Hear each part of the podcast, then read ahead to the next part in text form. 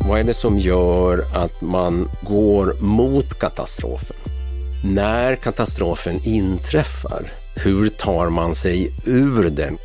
Och tar man inte hand om bankerna då, ja då stannar ekonomin mycket längre och det leder grunden till ett stort lidande för befolkningen. Så att eh, first i det här sammanhanget, det är att plocka ihop bitarna och börja om så fort som det överhuvudtaget är möjligt.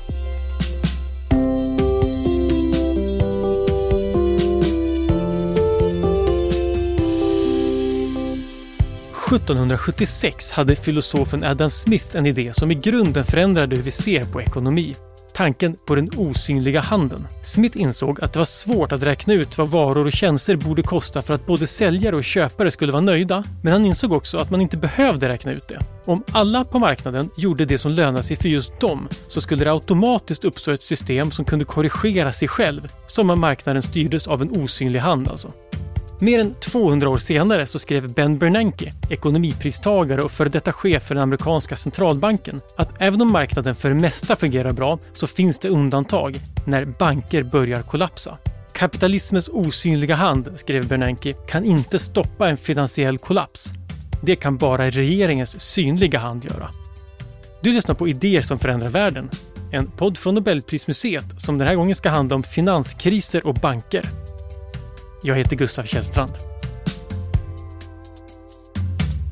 Och en som vet en del om banker, det är Stefan Ingves. Välkommen! Tack! Ja, alla vet ju vad en bank är, men ändå fick två ekonomer Nobelpris eller ekonomipris för ett par år sedan för att beskriva vad en bank är. V vad är en bank? Det är ju så när det gäller mycket som rör pengar så funderar vi inte så mycket på det utan vi tar det som självklart att det fungerar på ett visst sätt för vi har vant oss vid det. Banker har funnits i flera hundra år i olika former. Tyvärr har vi också i flera hundra år haft olika typer av bankkriser, men vi återkommer till det. Det grundläggande är ju egentligen det här att eh, alla människor använder inte alla sina pengar omedelbart. Och då vill man spara pengarna någonstans, antingen hemma, historiskt i form av metaller, eller så sätter man in pengar på en bank. Och sen kan banken i sin tur låna ut de här pengarna till andra som behöver pengar just då. Så att ett sätt att beskriva det här är att säga att det är en metod att slussa sparande till de som har ett behov av att använda pengarna nu. Och det är där då banken agerar som en slags eh, ganska effektiv mellanhand genom att para ihop eh, sparare och investerare. Och det innebär att det här är en slags teknik att hantera fördelning av pengar över tiden. Det vill säga, de som inte behöver pengar nu säger det går bra om någon annan använder mina pengar ett tag. Men för att göra det, då vill jag också få någon form av ersättning. Och det är det vi kallar för ränta. Mm. Ett annat sätt att beskriva ränta det är att säga att det är priset på tid. Stefan Ingves var chef för Sveriges riksbank mellan 2006 och 2022. Han har en akademisk bakgrund på Handelshögskolan där han disputerade i nationalekonomi och under den svenska bankkrisen i början på 90-talet så arbetade han på Finansdepartementet.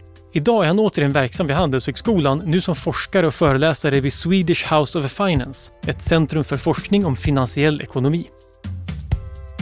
Men eh, när jag väl har sagt det så är det väldigt, väldigt viktigt då också att påpeka just när det gäller det här med tiden att en bankinsättning, den är omedelbar i den meningen att jag har rätten att få ut mina pengar nu, mm. om jag så önskar. Men samtidigt när en bank lånar ut pengarna så kan ju inte alla låntagarna betala tillbaks alla lån bums. Och det innebär att det finns det vi kallar för en löptidsomvandling, det vill säga nu om jag sätter in pengarna, sen om jag har lånat pengar. Och det här skapar naturligtvis en obalans som är då ett skäl till att banker kan få problem från tid till annan. Ja, precis. Och är det att då om, om fler vill ta ut sina pengar på en gång? Ja, då får du just det här bekymret att om du har lånat ut alla pengarna med längre löptid, ja då går det inte och då måste banken på kort sikt eh, låna av någon annan någonstans för att betala ut de insättningar som man har Och går inte det därför att ingen vill låna ut, ja då går man i konkurs och då förlorar insättarna i slutändan sina pengar. Just det, kan, kan, eh, det har man ju hört talas om det ibland, men, men har det hänt det omvända att för få vill låna och bankerna sitter på pengar som de inte får låna ut? Ja, det kan väl i och för sig hända, kanske inte så vanligt, men då återstår i de flesta fall för en bank att antingen sätta in pengarna på konto i centralbanken och så står de där och så får man kanske lite ränta, eventuellt ingen alls. Eller så köper man obligationer, till exempel statsobligationer eller bostadsobligationer. Och att köpa en obligation, det är ju också en form av utlåning. Ja. Redan nu har vi nämnt obligationer och centralbank och att det finns andra banker att låna av. Det bildar snabbt ett sorts system kring bankerna. Ja, det, det är det här som, om man sysslar med de här frågorna, vi brukar kalla för ett monetärt system mm. eller en finansiell infrastruktur. Ett slags system för hur man hanterar pengar och hur pengar flödar i en ekonomi i lite olika riktningar. Och en viktig del där är förstås riksbanker eller centralbanker. Varför uppstod de? Ja, det finns många exempel på där det enbart fanns privata banker. Och eh, en fråga som återkom då, det var att man brukar få återkommande så kallade uttagsanstormningar, bankruns. Mm. Och sen gick bankerna i konkurs och väldigt många förlorade väldigt mycket pengar. Och då blev det till och med så i många fall att de privata bankerna nästan böna och bad om att staten skulle finnas någonstans där i bakgrunden. Oftast då i form av en riksbank, en centralbank. Och om alla tar ut alla pengar samtidigt överallt, då kunde man alltid i slutändan gå till centralbanken. Och eh, den roll man har då som centralbank, det är kort och gott att skapa pengar förutsatt att vi pratar om den egna valutan. Och på det sättet så lyckades man då skapa ett mer stabilt system jämfört med att man inte har någon centralbank alls. Om det inte finns en centralbank så får bankerna själva skapa pengar eller?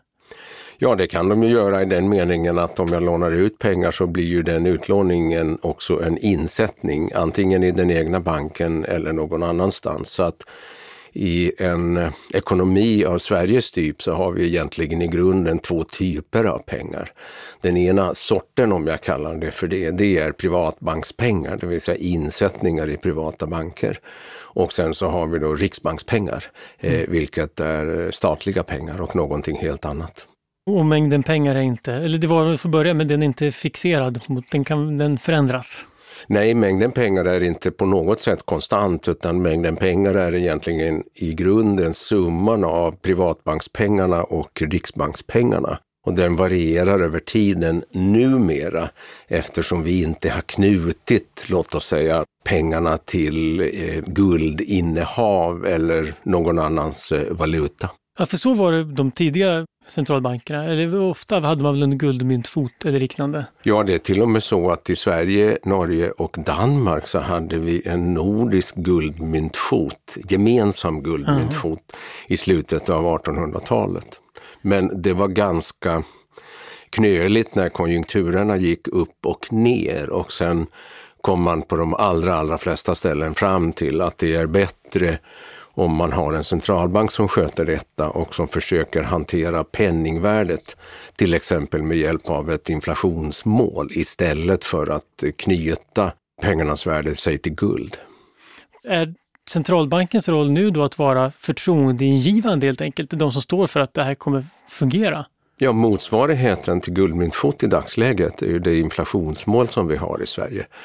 Och då gäller det att se till så att man, om inflationen avviker ifrån 2 alltid kommer tillbaks till målet 2% I och för sig inte från den ena månaden eller kvartalet till det andra eller någonting sådant. Mm.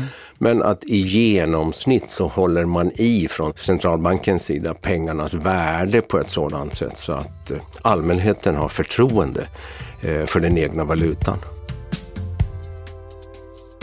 Riksbankens inflationsmål handlar om att kontrollera hur mycket pengar det finns eftersom det påverkar hur mycket pengarna är värda. Pengar är ju inte värda samma sak jämt utan värdet påverkas av tillgång och efterfrågan. Riksbanken kan skapa mer pengar, men om de gör det utan att det också produceras mer varor och tjänster så kommer det att gå åt mer pengar för att både köpa och tillverka det som produceras. Och det betyder att pengarna blir mindre värda, något som de flesta av oss märker när inflationen stiger.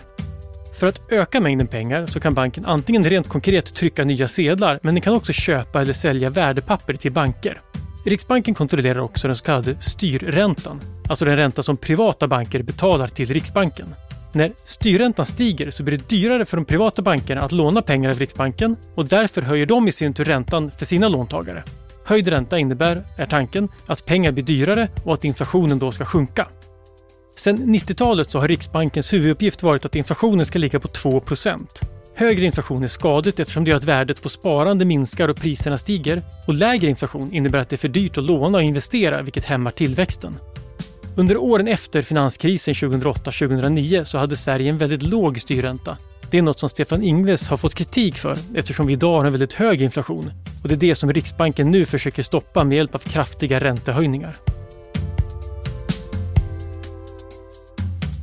Men det är ju så när det gäller pengar att det finns inte så mycket nytt under solen när det gäller pengar utan pengar handlar egentligen alltid om förtroende på ett eller annat sätt. Mm. Och det kan ta lång tid att skapa förtroende och det kan gå ganska fort att eh, förbruka förtroendet oberoende av eh, hur man har konstruerat systemet. Och, eh, du har då berört frågan om guld här mm. eller guldmyntfot men även i gamla dagar så fanns det ju då ibland ett intresse ifrån, låt oss säga kungens sida, att eh, spä ut mängden guld med andra metaller. Och då förlorar ju också guldmynten sitt värde för att eh, man kom på det så småningom att det, det är så att säga något lurt med det här. Så att eh, mekanismerna, de är ungefär de samma över århundradena. Mm. Vad händer när man inte litar på banken? Ja, vi har ju observerat under lång tid att när man skapar banker så inträffar det då och då det att man tappar förtroendet för en bank och alla vill få ut sina pengar. Och Diamond och Dybygg de sysselsätter sig då med frågeställningen vad är det som gör att det är på det sättet och hur hanterar man det? Vad är det som sätter i, igång det här? Och jag gav ju exemplet tidigare med det jag kallar för löptidsomvandling, det vill mm. säga insättningar. De är omedelbara, jag kan ta ut mina pengar, men utlåningen har längre löptid. Ja, om det då uppstår ett rykte, det är något fel på min bank, ja då kan man ju lätt få ett läge där alla rusar till banken och säger jag vill ha ut mina pengar nu. Och om alla gör det samtidigt, eh, då kommer det inte att fungera. Då kommer banken att gå omkull. Och det innebär då att eh, därför är det så väldigt, väldigt viktigt att man bevarar förtroendet för antingen enskilda banker eller banksystemet i sin helhet. Därför att det är klart att om man får en uttagsanstormning på all, för alla banker på en gång i en ekonomi, då kollapsar den ekonomiska aktiviteten och eh, då får man hög arbetslöshet och allmänt sett så får man eh, väldigt stora ekonomiska bekymmer. Mm. Det är inte för att det inte finns pengar utan det är för att pengar är upptagna på annat håll? Ja, det är ett sätt att beskriva det. Man får helt enkelt ett likviditetsproblem. Mm. Om alla vill ha sina pengar omedelbums och då är det naturligt nu för tiden att centralbanken så att säga går emellan och skapar precis så mycket pengar som folk vill ha. Är de här krascherna, är de oundvikliga? Jag säger inte att de är oundvikliga, men tyvärr med Internationella valutafonden har ungefär 180-190 medlemsländer. Mm. Och det är alltid några länder som arbetar frenetiskt mot nästa bankkris. Så att i det avseendet verkar vi människor ha väldigt svårt att ta till oss hur det här fungerar. Så att tyvärr så är det ett återkommande fenomen. Men samtidigt så är det så att i, i väl fungerande ekonomier så har man ju nu för tiden ganska mycket regelverk som omger bankverksamhet. Så att det är en väldig massa saker som en bank inte får göra. Mm. Och sen så har man också samtidigt då eh, nu för tiden insättarförsäkring i någon form. Så att även om en bank går jättedåligt så att man måste stänga så säger staten att eh, nej men du får tillbaks dina pengar inom fem dagar upp till ett visst belopp. Och det innebär att då kan ju de allra flesta känna sig lite lugnare. Och det kan då göra att banken inte behöver gå i konkurs? Om man då, om, för att då blir det ju ingen bankrusning om man vet att man får tillbaka pengarna. Om alla litar på att alla alltid får tillbaka alla pengar, då finns det ju ingen anledning till att man får en bankrusning. Sen är det ju så att man ska skilja mellan att en enskild bank får problem, därför att en enskild bank gör väldigt dåliga affärer. Ska vi komma ihåg att det inte är brottsligt att göra dåliga affärer men det kanske är dumt. Mm. Och då händer det egentligen inte så mycket utan då tar man hand om den banken på ett eller annat sätt. Sen är det en helt annan sak om väldigt många banker får stora problem, ungefär som då skedde i Sverige i början på 90-talet. Mm. Därför att då får man en ekonomisk händelse som är av en sådan dignitet så att ingen i den privata sektorn förmår hantera den situationen utan det är egentligen bara staten i kombination Riksgäldskontoret och eh, Riksbanken eh, som har de finansiella musklerna för att hantera ett sådant, eh, ett sådant problem. Och varför får banker, det är kanske är olika varje gång, men varför, får, varför, varför blir det så att många får problem samtidigt? Är det en kedjereaktion eller är allting beroende på samma orsak på varsitt håll så att säga? Ja, det där varierar ju från land till land. Det är ganska svårt faktiskt att generera en bankkris utan att det finns några som helst andra problem i ekonomin. Då måste man verkligen fokusera. Det är som att få noll rätt på tipset. Det är okay. också ganska svårt. Utan ofta är det ju en fråga om att ekonomin råkar i obalans. Och alla föreställer sig innan denna obalans uppkommer att eh, träna kommer att så att säga växa till himlen Eh, jag blir jätterik om jag hoppar på det här tåget, helst utan egna pengar, helst enbart med lånade pengar för då tjänar jag eh, maximalt med pengar själv. Sen upptäcker man så småningom att nej, det var kanske inte riktigt så. Att om det verkar vara för bra för att vara sant, då är det nog någonting där som är lite konstigt. Och sen går då allting åt, eh, åt andra hållet. 2022 så fick Douglas Diamond och Philip Dybvig ekonomipriset till Alfred Nobels minne för att ha utvecklat teoretiska modeller som beskriver varför banker finns och vilken roll de har i samhället. Det kan ju låta enkelt, alla vet väl hur en bank fungerar, men precis som inom all vetenskap så kan grundläggande frågor ge viktiga svar om hur saker verkligen fungerar. Diamond och Dybvigs beskrivning av bankers funktion har legat till grund för hur banker regleras eftersom den gör att man förstår vilka följder som olika åtgärder kommer få och varför. Det här var någonting som deras medpristagare Ben Bernanke hade nytta av när han var centralbankschef under finanskrisen 2008-2009. Men Bernanke hade också en del egen kunskap om banker och kriser. Hans del i ekonomipriset motiverades av hans historiska forskning som visar att bankernas kris inte var en följd av, utan orsaker till, den stora depressionen på 30-talet. Men om man tar det här, den krisen som, som där, när Ben Bernanke var centralbankschef som började väl 2008. Uppenbarligen var det ju problem hos finansinstitut och liknande, men, men, men då fanns det alltså ett problem i grunden. Ja, det fanns ett problem i grunden, visade sig mm. ex post i, i den meningen att eh, många hade tagit väldigt mycket större risker än vad man trodde. Och det är ett ganska vanligt förlopp, att man tycker att det ser bra ut och sen så när man börjar skrapa på ytan så börjar det bubbla upp så att säga alla möjliga konstigheter och om väldigt många tittar på det samtidigt och kommer fram till samma slutsats. Oj då, det här står inte bra till. Det här kommer liksom aldrig att fungera. Då får man just eh, de här problemen och i USA så kom ju då problemen inte minst via bostadsmarknaden, de konstiga lånekonstruktioner man hade när det gäller väldigt många människor med låga inkomster och att man på ett eller annat sätt hade skapat alldeles för stora risker i finanssektorn utan att man riktigt förstod det eller tänkte sig för när de här riskerna byggdes upp. Men att man inte förstod att det var risker, var det för att riskerna var spridda mellan aktörerna eller hur kunde man inte veta vilka risker man tog? Ofta är det ju så att det är svårt att genomskåda var risken eller riskerna finns. Inte minst då eh, som det skedde 2007, 2008 och 2009 i en värld där man har skapat en mängd nya finansiella transaktionstyper.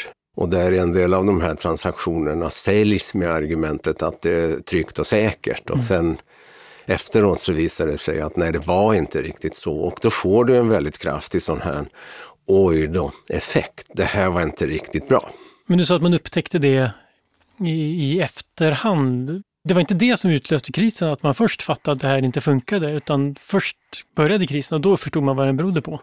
Ja, ofta är det ju så att det är lätt att se i efterhand, i många olika fall, vad det var som förorsakade det hela. Och jag kan ta ett annat exempel, den svenska eh, bankkrisen som var en riktigt, riktigt stor bankkris i början på 90-talet. Om man tittar på data där så är det så att jag tror att eh, fastighetspriserna när det gäller kommersiella fastigheter i Stockholm med omnejd steg med ungefär 900 procent under 80-talet. Det är klart att alla som hoppar på det tåget då, de skar guld med täljkniv. Utom de som hoppar på på slutet, för sen följer priserna med, säg någonstans mellan 40 och 60 procent på en sådär 18 till 24 månader. Men det är också viktigt då att komma ihåg att det var inte så att de som gick in i det här gjorde det totalt aningslöst, utan världen blev helt enkelt fullständigt annorlunda mm. jämfört med vad man föreställde sig. Och det hade man inte tänkt igenom, utan man tänkte snarare så här, priserna bara stiger och stiger. Aha, då gäller det att hoppa på här. Och det var inte tillräckligt många som tänkte tanken, men tänk om priserna faller och faller jättemycket. Vad händer med mig då? Och sen blev det ju så därför att då hade vi en valutakris, vi hade en statsfinansiell kris, vi hade en bankkris och vi hade alla möjliga olika strukturella bekymmer i svensk ekonomi. Och alltihop det här liksom blomma ut mer eller mindre eh, på samma gång. Men jag tänker på det med, med det här med, som Bernanke skrev, om, om att den osynliga handen inte fungerar alltid.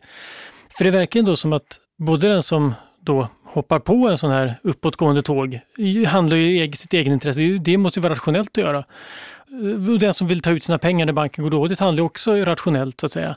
Men det funkar alltså inte att, att alltid handla... Man, borde man tänka, bygger systemet på att, att egentligen folk ska tänka på helheten och inte bara på sig själv, men det gör man väl inte? Alltså, ett sätt att beskriva det är, tror jag, precis just det du refererar till nu och det är att det är skillnad mellan enskilda affärer mm. och summan av alla affärer. Och ibland så blir det så att det händer någonting, det händer någonting oförutsägbart. Och så inser alla att summan av det hela är någonting som kanske inte är egentligen i grunden riktigt eh, stabilt. Och då om alla springer till utgången samtidigt, ja då blir det illa för att alla kan inte komma ut genom dörren på samma gång. Och då måste någon gå emellan. Och gör man inte det, vilket i och för sig har hänt eh, i historien, ja då får man en extremt dålig ekonomisk utveckling under ganska lång tid. Det vill säga hög arbetslöshet, låg tillväxt eller till och med en krympande ekonomi under eh, många, många år. Eh, och det är väl då eh, regeringar eller möjligtvis centralbankers roll. Är det liksom att tänka på helheten när andra tänker på sig själva? För att man kan inte vänta sig att enskilda ska tänka på summan. Det är väldigt, väldigt svårt för enskilda individer att tänka på summan av det hela, precis som det är väldigt, väldigt svårt för en enskild insättare att fullt ut förstå hur en stor bank fungerar inuti, om jag uttrycker mig mm. på det sättet. Ett annat sätt att beskriva det här är att säga så här. De här frågeställningarna påminner ganska mycket om klimatfrågorna i den meningen att den enskilda individen har väldigt svårt att påverka i någon större utsträckning. Men summan av det hela kan bli någonting som är alldeles förskräckligt eh, för oss alla. Och det betyder då att i banksystemet i sin helhet, om man får problem, så finns det då en stor och kraftig, det vi kallar för extern effekt. Mm. Precis på samma sätt som när det gäller klimatförändringarna. Och det hör nog till de frågeställningar som vi människor har svårast att hantera. Därför att det innebär ju att någon idag ska säga nej, hit men inte längre, för annars så blir det dåligt sen. Mm. Men för de allra flesta människor så är det enklare att säga Nej, det tror jag kanske inte riktigt på. Och blir det dåligt sen, ja då hanterar vi väl det den dagen. Just det. Vi lever ju inte sen, vi lever ju nu. Precis. Det är väl John Maynard Keynes som sa in the long run we're all dead. Så att, mm jag tänker en skillnad mot klimatet är väl att det kanske då att, att om man vidtar åtgärder för att rädda mångfald eller rädda alltså biologisk mångfald eller klimat, kan, kan man, det är lättare att se att det där känns liksom positivt. Problemet under krisen, eller bankkriser, är att då går man in och räddar banker som innan de gjorde fel tjänade ganska mycket pengar. Ja, alternativet är sämre därför att då får du många, många års eh, dålig ekonomisk utveckling med hög eh, arbetslöshet och alla möjliga olika typer av ekonomiska bekymmer. Det man ju eh, oftast sliter med under de här omständigheterna, det är att man ställer sig frågan, vems fel är det här och borde vi inte bestraffa dem? Men faktum är ju att nästan alla är ju med på vägen uppåt och alla är jätteglada då och njuter så att säga frukterna av den finansiella boom som mm. man är med och skapar.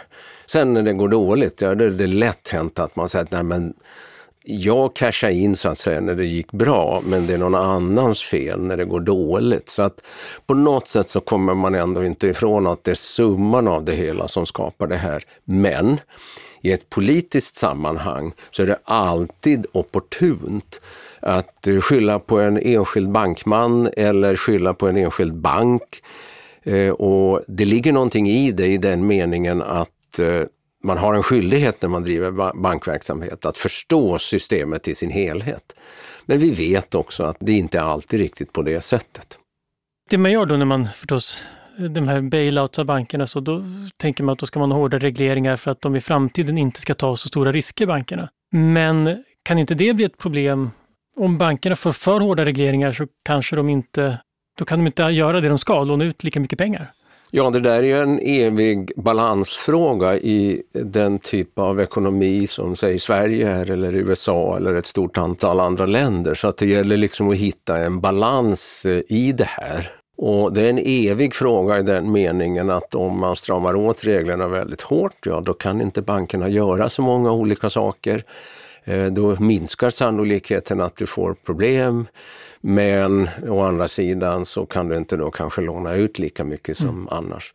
Och Det här innebär då att eh, på den politiska sidan i den typ av ekonomier som, som vi studerar för det mesta och där Sverige är en av dem, så söker man hela tiden den här balanspunkten. Men summan av de politiska besluten tenderar ändå att vara sådana så att sannolikheten att allting ska gå överstyr är absolut inte noll.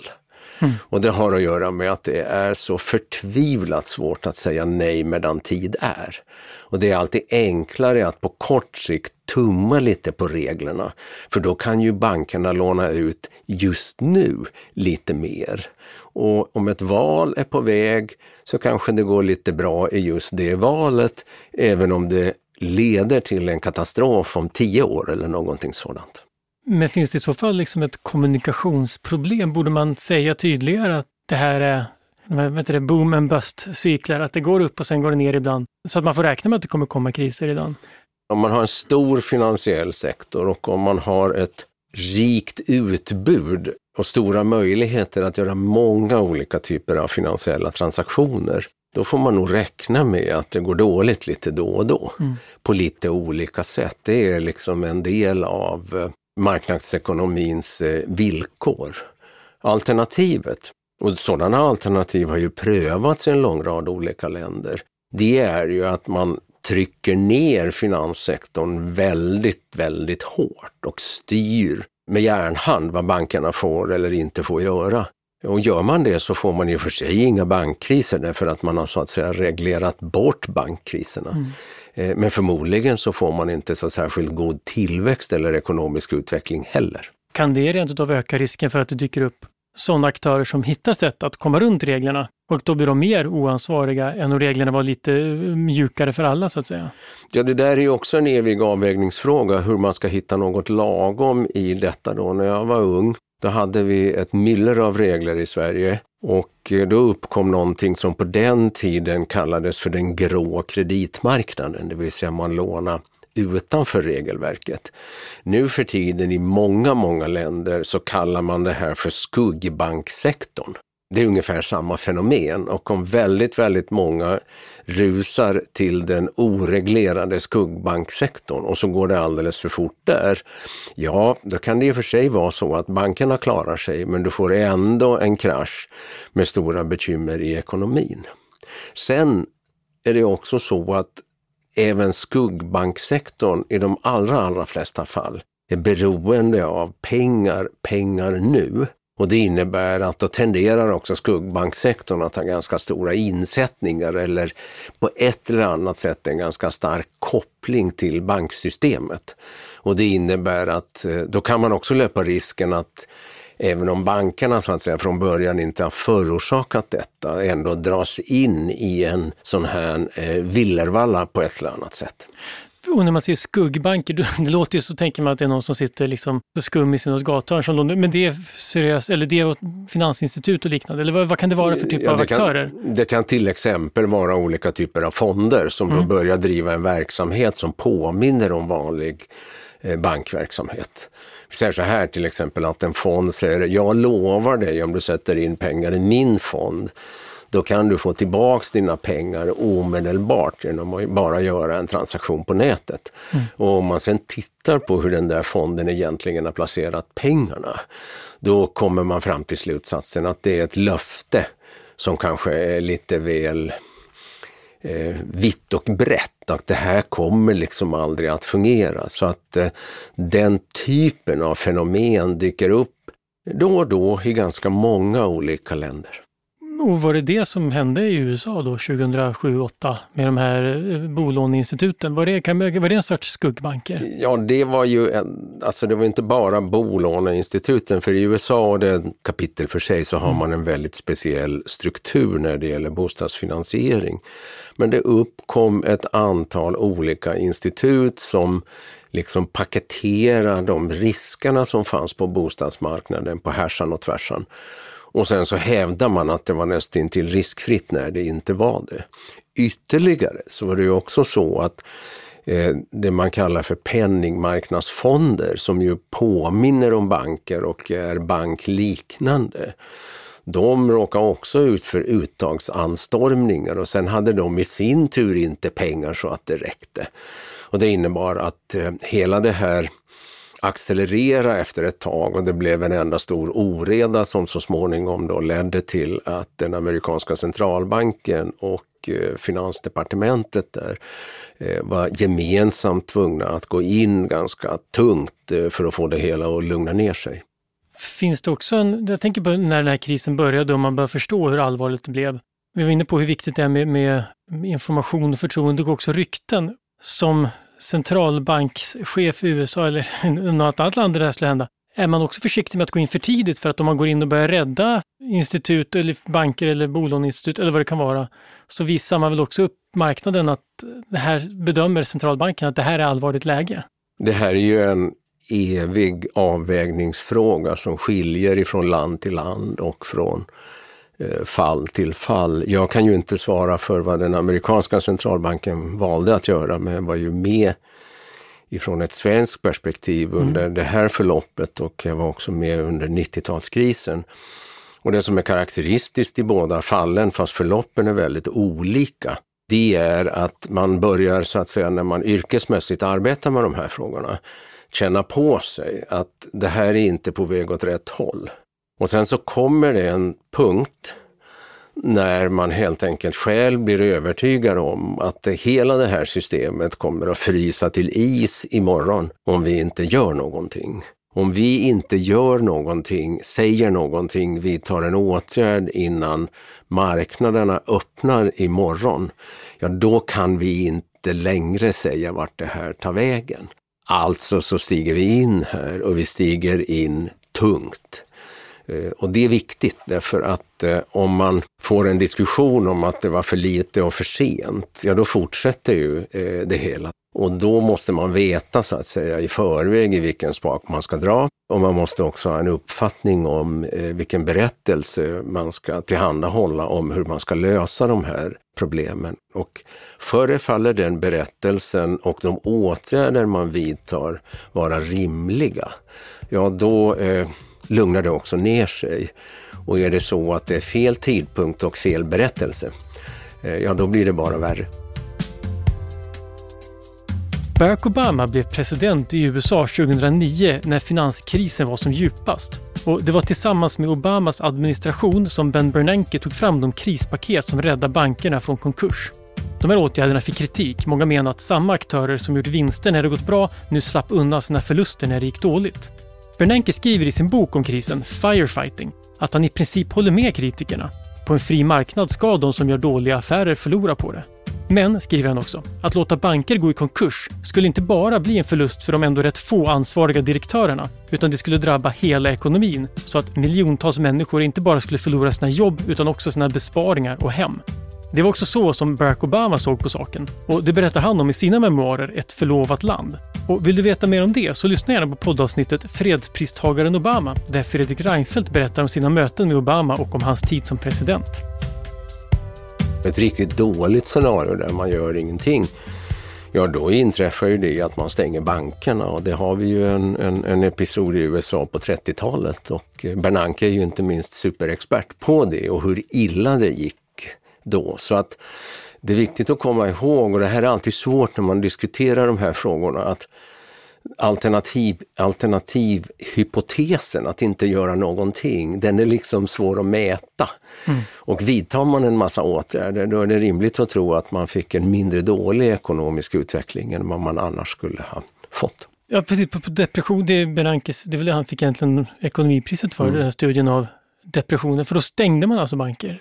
Ja, det var ju väldigt många små banker som gick, eh, gick omkull då och då blev det ju väldigt stora bekymmer därför att eh, väldigt många människor förlorade alla sina pengar. Och om det inträffar eller om bankerna inte öppnar, ja då stannar ju ekonomin därför att det är inte bara fråga om sparande som vi inledde mm. diskussionen med, utan det är också fråga om att göra betalningar. Och bankerna är en integrerad del av betalningssystemet. Och om man helt plötsligt inte kan göra betalningar, ja då stannar ju liksom egentligen all ekonomisk verksamhet. Och, och då, då får man eh, krympande ekonomi och hög arbetslöshet. Och tyvärr så tar det då ganska många år innan man kravlar sig ur det. Så att därför, även om det alltid blir en diskussion om det var rätt eller fel, vems fel det var och sådär, så är det rimligt att staten stiger in mm. och stiger in tungt eh, när man eh, ser de här bekymren torna upp. Och på 30-talet, om jag förstår saken rätt, så tyckte väl Bernanke att man skulle helt enkelt ha tryckt mer pengar? Ja, det är ju ett enkelt sätt att beskriva det på och det innebär det ju i den meningen att särskilt då när det inte fanns egentligen elektroniska pengar utan allt var på papper, mm. så betyder ju det, om jag använder den episoden som ett exempel, att då får folk precis så mycket pengar som de vill hålla. Och det innebär ju då att om jag, om jag får ut alla pengarna och sen så har jag dem i madrassen då kommer man ganska fort att upptäcka att det är ganska obekvämt och riskabelt att ha pengarna i madrassen. Så efter ett tag så går man och sätter in dem igen. Mm. Och då liksom kan bankerna återgå till sin ursprungliga funktion. Och att Sverige fick en kris, hur såg krisen i Sverige ut? För den berodde väl inte på samma orsaker som i USA då 2007 och 2008, utan det var väl... En grov förenkling att säga så här, att 90-talskrisen eh, den var självförvållad. Det var en svensk kris, inklusive en svensk bankkris. Sverige var inte okej, okay, men resten av världen var någorlunda okej. Okay. Sen snabbt framåt till 2008, då råder precis de, de omvända förhållandena. Sverige är okej, okay, men resten av världen är inte okej. Och då är det tre saker som spelar roll ifrån ett svenskt perspektiv. Svenska banker är stora i förhållande till svensk ekonomi. Vi har helt fria kapitalrörelser, så svenska banker sköter också en del av sin finansiering i dollar i New York. Den marknaden fryser. Samtidigt så eh, håller den isländska ekonomin och de isländska bankerna på att kollapsa fullständigt. Och det finns isländska banker i Sverige som lovar alldeles, alldeles för mycket när det gäller ränta på insättarnas pengar på ett sätt som inte är hållbart. Och den tredje frågan. Svenska banker har expanderat något alldeles oerhört i de baltiska länderna. Och alla som tittar på det här utifrån förstår att de baltiska länderna går igenom en väldigt stor ekonomisk kris. Svenska banker är delaktiga i det för att de har varit med och skapat eländet. Och sen så får man då en slags smitta både ifrån New York, dollarmarknaden, potentiellt från Island och ifrån de baltiska eh, länderna.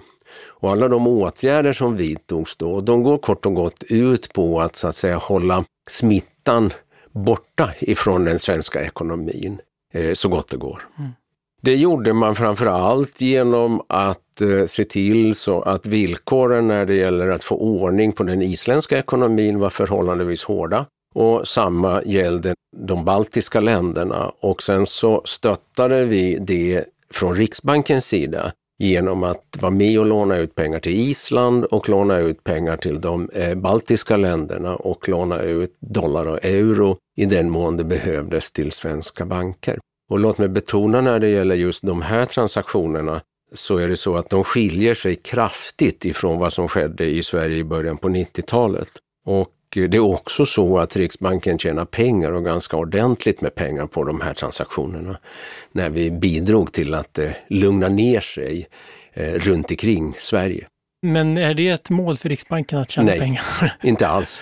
Inte alls, utan det råkar bli slutresultatet mm. i, det här, i det här fallet. Det är viktigt att komma ihåg att Riksbanken sysslar med samhällsekonomi. Mm. Det vill säga det ska gå bra för svensk ekonomi, det ska gå bra för medborgarna i Sverige i ekonomisk mening. Så att när man dras in i den här typen av skeenden, då får man ingenting gjort överhuvudtaget om man har som huvudmål att tjäna pengar utan då blir man ju snarare ett problem i systemet. Utan det är precis det omvända som gäller, att en centralbank i de här sammanhangen lånar ut när ingen annan vill låna ut. Mm. Och det innebär de facto att det är alltid ganska riskabelt när man gör det. Mm. Men det är precis den roll man har som riksbank under de omständigheterna. Men vad gör man med pengarna man tjänar?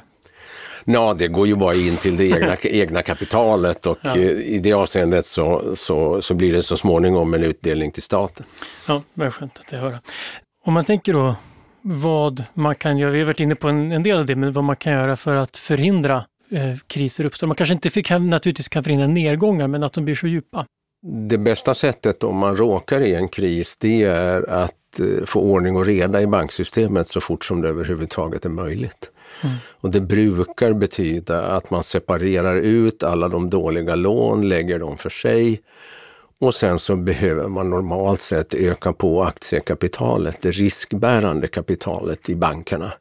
Och antingen så gör man det via den privata sektorn därför att det finns tillräckligt mycket riskvilligt kapital där, vilket inte alltid är fallet. Eller så är det helt enkelt så att eh, staten blir ägare till eh, hela eller delar av, eh, av enskilda banker eller kanske en stor del av banksystemet som, som sådant. För då kan man fortsätta att driva verksamheten. Mm. Kan inte det på sikt få banker att ta större risker om man vet att man blir utlöst? Jo, och det är den eviga frågeställningen hur man ska hitta något lagom, något lämpligt i detta. Och en metod som nog fungerar och är ganska effektiv, det är att det, man ska göra en åtskillnad mellan att driva en bank och äga en bank. Och det man eftersträvar när det gäller sig insätta försäkringen eller statliga åtgärder av en annan typ, det är att man ser till så att banken kan fortsätta att drivas. Men det betyder ju inte att de gamla ägarna är kvar. Just. Och det förstår de flesta ägare när det är så att säga game over och det är någon annan som styr verksamheten. Men återigen, det är väldigt svårt att hitta liksom någonting lagom i detta. Mm. En balans i, i det här. Vi började lite grann med, med eh, Dybbig och Diamond och liksom vad en bank är och vad de, vad de, hur de fungerar. Jag tänkte vi kan avsluta bara med Ben Bernanke, det vi nämnde hans studie om depressionen. Men om jag förstått saken rätt så det som han visade där var att bankernas roll i kriser Innan den uppsatsen så hade man tänkt att det var liksom en konsekvens av att det blev kris i USA, men, men att ja, bankernas problem är en orsak snarare än en följd av kriser. Det här är ju väldigt svårt att svara på den frågan. Vad är kausalitet? Vad är liksom hönan och ägget? Är det bankerna som skapar problemet eller fick bankerna ett problem därför att någon annan har skapat problemet? Men låt mig ändå göra lite ett försök. Mm. Eh, jag refererade tidigare till att i många fall så är bankkriser inte ensamma därför att det pågår en mängd andra saker i ekonomin som egentligen inte fungerar på ett eller annat sätt. Och den svenska bankkrisen är ett exempel på det, när hela svensk ekonomi råkar i obalans. Och där är det här liksom samverkande faktorer. Sen kan det finnas andra exempel när det är bankerna som så att säga genererar det hela därför att eh, det går för fort helt enkelt och man tappar kontrollen och hela bankverksamheten blir ett slags eh, pyramidspel. Och, och så kraschar, eh, kraschar alltihop. Eh, men det är inte lätt i att, att, generalisera här utan man bör titta på det enskilda fallet och så försöker mm. man liksom trassla sig igenom detta. Det man ska skilja på då, och det gör ju också Bernanke, det är vad är det som gör att man går mot katastrofen? Det är liksom en sak. När katastrofen inträffar, hur tar man sig ur den katastrof som har inträffat? Och tar man inte hand om bankerna då, och det är det som också Bernanke påpekar, ja då stannar ekonomin mycket längre än vad den annars skulle ha gjort och då hänger så att säga de ekonomiska bekymren kvar och det leder ja, till grunden till ett stort lidande för befolkningen. Så att eh, first best i det här sammanhanget, det är att plocka ihop bitarna och börja om så fort som det överhuvudtaget är möjligt. Det låter komplext och svårt att jobba på en riksbank. Man tänker att det handlar om matematiska samband och det finns det också i ekonomin, men det finns också statistik och samhällsvetenskap och eh, sociala faktorer och psykologi och berättelser och liksom nästan kommunikativa saker. Eh, små eh, saker kan få stora följder och stora händelser kan få ibland små följder. Så då är det väldigt svårt att förutsäga. Men man kan hantera det på andra sätt. Man, vad man gör är att man försöker blicka in i framtiden så gott det går. Men då, har man att, då får man acceptera att eh, den kunskap man har om framtiden på, låt oss säga, några kvartals sikt är någonting helt annat än vad vi vet om hur världen ser ut på två, tre, fyra, fem års sikt och särskilt i en liten ekonomi så får man helt, helt enkelt acceptera att det är på det sättet. Men då blir det också en viktig roll, en viktig funktion att göra så gott man kan hemma vid att undvika eh, stora misstag. Det var ett utmärkt ställe att sluta på. Tack så hemskt mycket för den här förklaringen och eh, genomgången och berättelsen får man väl säga. Tack så mycket för att du kom. Tack. Idéer som förändrar världen är slut för den här gången. Den här podden görs av Nobelprismuseet. Vi finns på Stortorget i Gamla stan. Information om museets utställningar och öppettider finns på museets hemsida nobelprismuseum.se. Du kan förstås också följa oss på Facebook och Instagram. Och vill du veta mer om Nobelpristagarna och deras arbete så gå gärna till Nobelprisets hemsida nobelprice.org. Och ett stort tack till Nibe Group, EF Education First, Knut och Alice Wallenbergs stiftelse och familjen Erling Perssons stiftelse som möjliggör Nobelprismuseets verksamhet. Idéer som förändrar världen görs i samarbete med produktionsbolaget Filt. Producent är Andreas Wiklund och jag heter Gustav Källstrand. Vi är snart tillbaka med nya intressanta samtal.